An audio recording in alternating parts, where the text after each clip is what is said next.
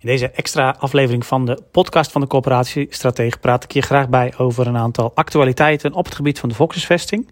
Was vorige week was er een uh, was het debat over de staat van de woningmarkt. Uh, en daarin werden ook alweer een aantal tipjes van de sluier opgelicht, uh, opgelicht als het gaat om de programma's die eraan zitten te komen komend voorjaar. De prestatieafspraken ook die de minister wil maken met de corporaties. En nou, een aantal interessante uh, dingen daaruit uh, deel ik graag. Uh, als eerste, een, ook, we krijgen ook steeds meer indruk van hoe Hugo de Jonge als minister op volkshuisvesting, ja, naar die volkshuisvesting en ook naar de ruimtelijke ordening kijkt. En een van de verbaaspunten die hij ook in dit debat weer aangaf was um, ja, dat we in Nederland helemaal niet zo goed bezig zijn om vanuit de demografie te plannen. Hè? Hij, hij, hij, sneer, hij gaf zelf een kleine sneer naar eigenlijk de ruimtelijke ordenings uh, werkwijze van de afgelopen jaren door te zeggen dat um, uh, ja, het moet toch niet zo moeilijk zijn om, om te bedenken dat uh, ja, als er een x aantal mensen op dit moment 60 jaar is, dat er dan over 20 jaar voor die mensen misschien oudere seniorenwoningen nodig zijn. Nou ligt dat natuurlijk um, veel genuanceerder dan dat, maar het is wel het geeft wel aan dat uh, de minister ook wel vanuit de Rijksoverheid wat meer sturing wil geven. En uh, nou, hij gaf ook aan van, uh, ga niet alleen maar over aantallen woningbouw, bijvoorbeeld over nieuwbouw, meer afspraken maken met regio's en met provincies. Maar gaan echt met provincies niet alleen over de aantallen, maar ook over de invulling daarvan, van die programma's. Dus voor wie moet er dan gebouwd worden? Um, hè, voor welke prijsklasse moet gebouwd worden, et cetera. Dat, dat, gaan echt, uh, dat, dat gaat echt ook de invulling worden van de afspraken tussen de Rijksoverheid en de provincies. En de provincies worden vervolgens ook geacht om dat weer door te vertalen naar de gemeenten. En ook, uh, ook dwingender dan dat in de afgelopen jaren is uh, gebeurd. Tegelijkertijd gaf de minister ook wel aan dat dat niet moet leiden tot vertraging van reeds bestaande plannen. dus het is nog de vraag op welke termijn dat echt heel uh, sturend gaat, gaat worden. Maar in ieder geval voor plannen die nieuw ontwikkeld uh, worden, zal dat steeds sturender worden, verwacht ik. Nou, dan specifiek over de betaalbaarheid. Natuurlijk een belangrijk programma wat er ook aan zit te komen. In april wordt daar nog veel meer over bekend. Maar daar ja, er zijn al een aantal zaken voor bekend. In ieder geval is um, ja, de huurverhoging voor dit jaar is, is vastgesteld op inflatie. Uh, de inflatie van vorig jaar. Nou, de minister heeft uh, in het debat ook uh, toegelicht waarom hij niet heeft gekozen voor huurbevriezing aan de ene kant of juist uh, inflatie plus 1% aan de andere kant. Hè. De twee scenario's die natuurlijk ook veel genoemd zijn. En hij doet dat natuurlijk omdat hij aan de ene kant natuurlijk ziet dat het voor veel huurders lastig is met de betaalbaarheid. allerlei andere zaken stijgen ook in prijs, energie stijgt in prijs. Maar tegelijkertijd ook oog heeft voor het investeringsvolume wat corporaties mislopen op het moment dat je uh, de huren helemaal zou bevriezen. En um, hij koppelt dat ook aan ja, de bredere discussie die er is over woonlasten en ook investeringen in verduurzaming die daarbij horen. Uh, wat wel interessant is, is dat er in ieder geval um, de bedoeling is dat er voor 1 januari 2023 in ieder geval ook weer een nieuw besluit komt ja, over de, de, de huurontwikkeling in de komende jaren. En Um, de, uh, het ministerie wil graag ook uh, partner zijn in het sociaal huurakkoord. Uh, wat dan tussen ministerie Edes en Woonbond gesloten zou moeten worden. waarbij ook dan de relatie gelegd wordt tussen de prestatieafspraken die in het komende voorjaar worden gemaakt. In maart komt daar meer duidelijkheid over, over hoe dat dan allemaal ingevuld zou moeten worden, procedureel. Maar in ieder geval moeten er in het voorjaar afspraken gemaakt worden tussen de overheid en de corporaties. Um, over, uh, over de investeringen die corporaties gaan doen. Uh, met, name ook met het geld uh, wat, wat vrijvalt door het afschaffen van de verhuurderheffing. Maar vervolgens is het ook de bedoeling dat, ja, dat dat ook um, ja, in relatie komt te staan tot de huurontwikkeling die dan uh, in een sociaal huurakkoord met het ministerie Edes en de Woonbond uh, zou moeten worden vastgelegd. In ieder geval voor het einde van het jaar, om ervoor uh, te zorgen dat in ieder geval vanaf volgende jaren ook wat meer langjarig naar de huurprijsontwikkeling wordt gekeken. En dat het niet eigenlijk tot op het laatste moment spannend is welke huurverhoging voor dit jaar zal gaan, gaan gelden. Nou, een aantal andere dingen um, die ook in het debat van vorige week al naar voren kwamen, was bijvoorbeeld op het gebied van leefbaarheid.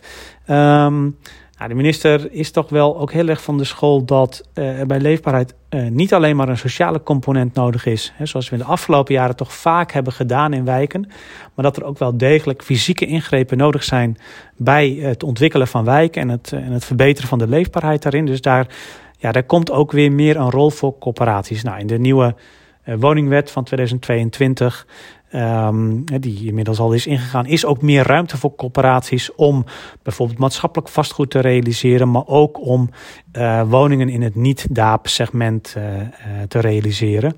Omdat de markttoets voor drie jaar is, is, is buiten, buiten werking gesteld is.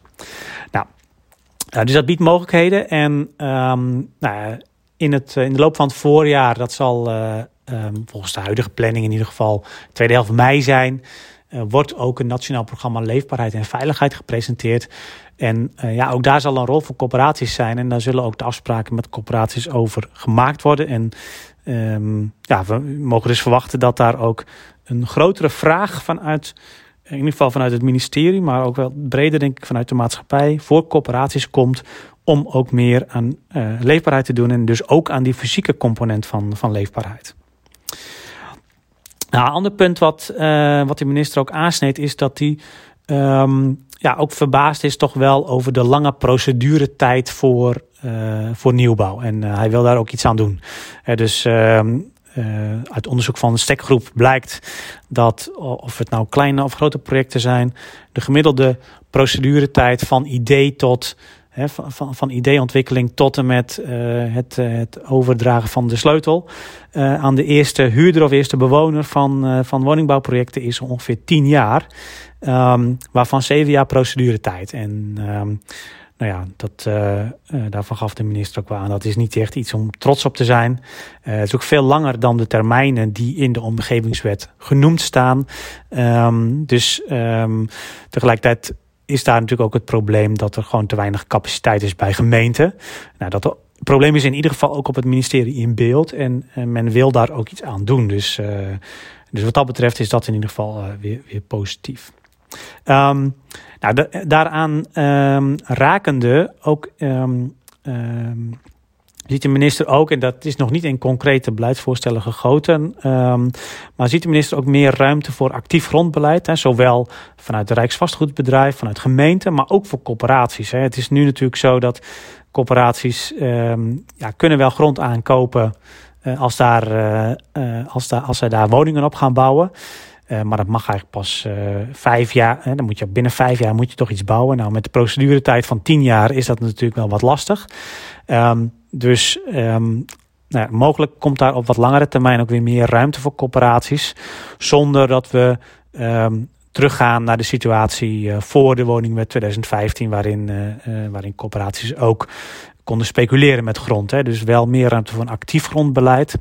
En de minister noemde dat in, in een mooie one-liner. dat je, corporaties gaan niet speculeren, maar je gaat wel en dat geldt dus ook voor Rijksvastgoedbedrijf, maar ook voor, voor gemeenten.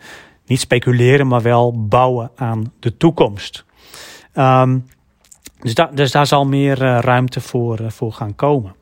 Um, nou, dan nog um, wat natuurlijk ook in het regeerakkoord staat over verkoop van sociale huurwoningen. Um, ja, daarvan gaf de minister uh, aan dat um, het wel de bedoeling is dat, dat men daar terughoudend mee is. Hè. We willen niet dat er allerlei gespikkeld bezit ontstaat, wat ook lastig is in het onderhoud. Wat soms ook problemen geeft met aanpak van leefbaarheid en aanpak van, van complexen vanuit verduurzaming. Maar tegelijkertijd, en dat is ook de opdracht van, vanuit het regeerakkoord, wil men wel de ruimte geven om, uh, ja, als mensen dat willen, om eigen, om eigen woningbezit uh, te, te verwerven. Um, daarbij is wel belangrijk dat de verkoop, en dat is wel in de afgelopen jaren wel anders geweest, dat het niet zo moet zijn dat corporaties vanuit financiële overwegingen um, woningen verkopen. Dat is veel meer vanuit het, um, vanuit het gunnen aan mensen van eigen woningbezit. En daarnaast kan het natuurlijk ook een volksvestelijke reden hebben om bijvoorbeeld meer, meer, meer menging in een wijk aan te brengen. Um, maar het zou niet, verkoop zou niet puur vanuit de coöperatie gezien een financiële overweging uh, moeten, moeten zijn. Um, nou, dan ging het nog eventjes ook, uh, dat was wel een interessante discussie ook, uh, ingebracht door, door Klaver van GroenLinks. Um, ja, hoe het, of het inderdaad zo is dat eigenlijk Nederland vaak toch een wat strenge interpretatie kiest van Europese richtlijnen. Dus de minister heeft ook toegezegd dat er onderzoek komt naar hoe andere landen dan omgaan met Europese regels. Hè, want nou ja, Klaver noemde dan het voorbeeld van Frankrijk. Het lijkt wel of daar dan meer kan met dezelfde Europese regels dan in Nederland soms. En um, um, de bedoeling is om uh, daar een inventarisatie van te doen van hè, wat zijn nou knelpunten op het gebied van de volkshuisvesting, voortkomende vanuit Europese regelgeving. En dan gaat het bijvoorbeeld om um, de onderscheid tussen DAAP en niet-DAAP. En het, ook het reguleren van ook de vrije sector uh, uh, uh, huurwoningen. dat soort voorbeelden. Um, en er komt dus een inventarisatie vanuit het ministerie. Um, als het goed is in het tweede kwartaal. Waar mogelijk wordt dat al in april. Maar nou goed, daar zou ik niet al te hoog gespannen verwachtingen van hebben. Uh, maar het wordt in ieder geval ook, uh, als het goed is, ook betrokken bij de discussie over het programma uh, over de betaalbaarheid. omdat daar nog wel eens Europese regelgeving in de weg zit. En nou, er komt dus een inventarisatie van hoe gaan andere landen daarmee om. En zijn we dan in Nederland niet wat te strikt in de interpretatie van die Europese richtlijnen. Um, de minister wel uh, in het debat al meteen aan uh, op een vraag over de ATAT. Dat, um, dat het daar heel uh, ingewikkeld wordt om corporaties daarvoor uit te zonderen. Dus, um, ja, dus dat, dat betekent dus dat corporaties meer VPB-belasting gaan betalen dan, dan ze in het verleden hebben gedaan. en dat is volgens de minister zo, omdat je eigenlijk corporaties niet alleen kunt uitzonderen, maar dan zou je ook particuliere verhuurders uh, moeten uitzonderen. En ja, dat is dan weer niet per se wat je wil. Um, nou ja, goed. Uh, met de afschaffing van de verhuurderheffing speelt die discussie denk ik ook wat minder. Uh, maar tegelijkertijd is het natuurlijk wel ook zaak dat straks, als we de prestatieafspraken gaan maken over de investeringen van corporaties en ook de huurontwikkeling, ja, dan zal dat natuurlijk wel in evenwicht moeten zijn. En daar kan ook uh, andere belastingdruk vanuit de VPB, vanuit de ATAT, um, kan daar natuurlijk een, een rol weer in gaan spelen. Maar ja, um, de minister stelt zich nu dus op het standpunt dat corporaties uh, inderdaad niet, niet uitgezonderd kunnen, kunnen worden. Nou, dat waren even een aantal dingen uit het debat van, uh, van vorige week over de staat van de woningmarkt. En um, ik blijf het natuurlijk voor jullie volgen en um, uh, mogelijk uh, kom ik ook weer in de podcast uh, daarop terug.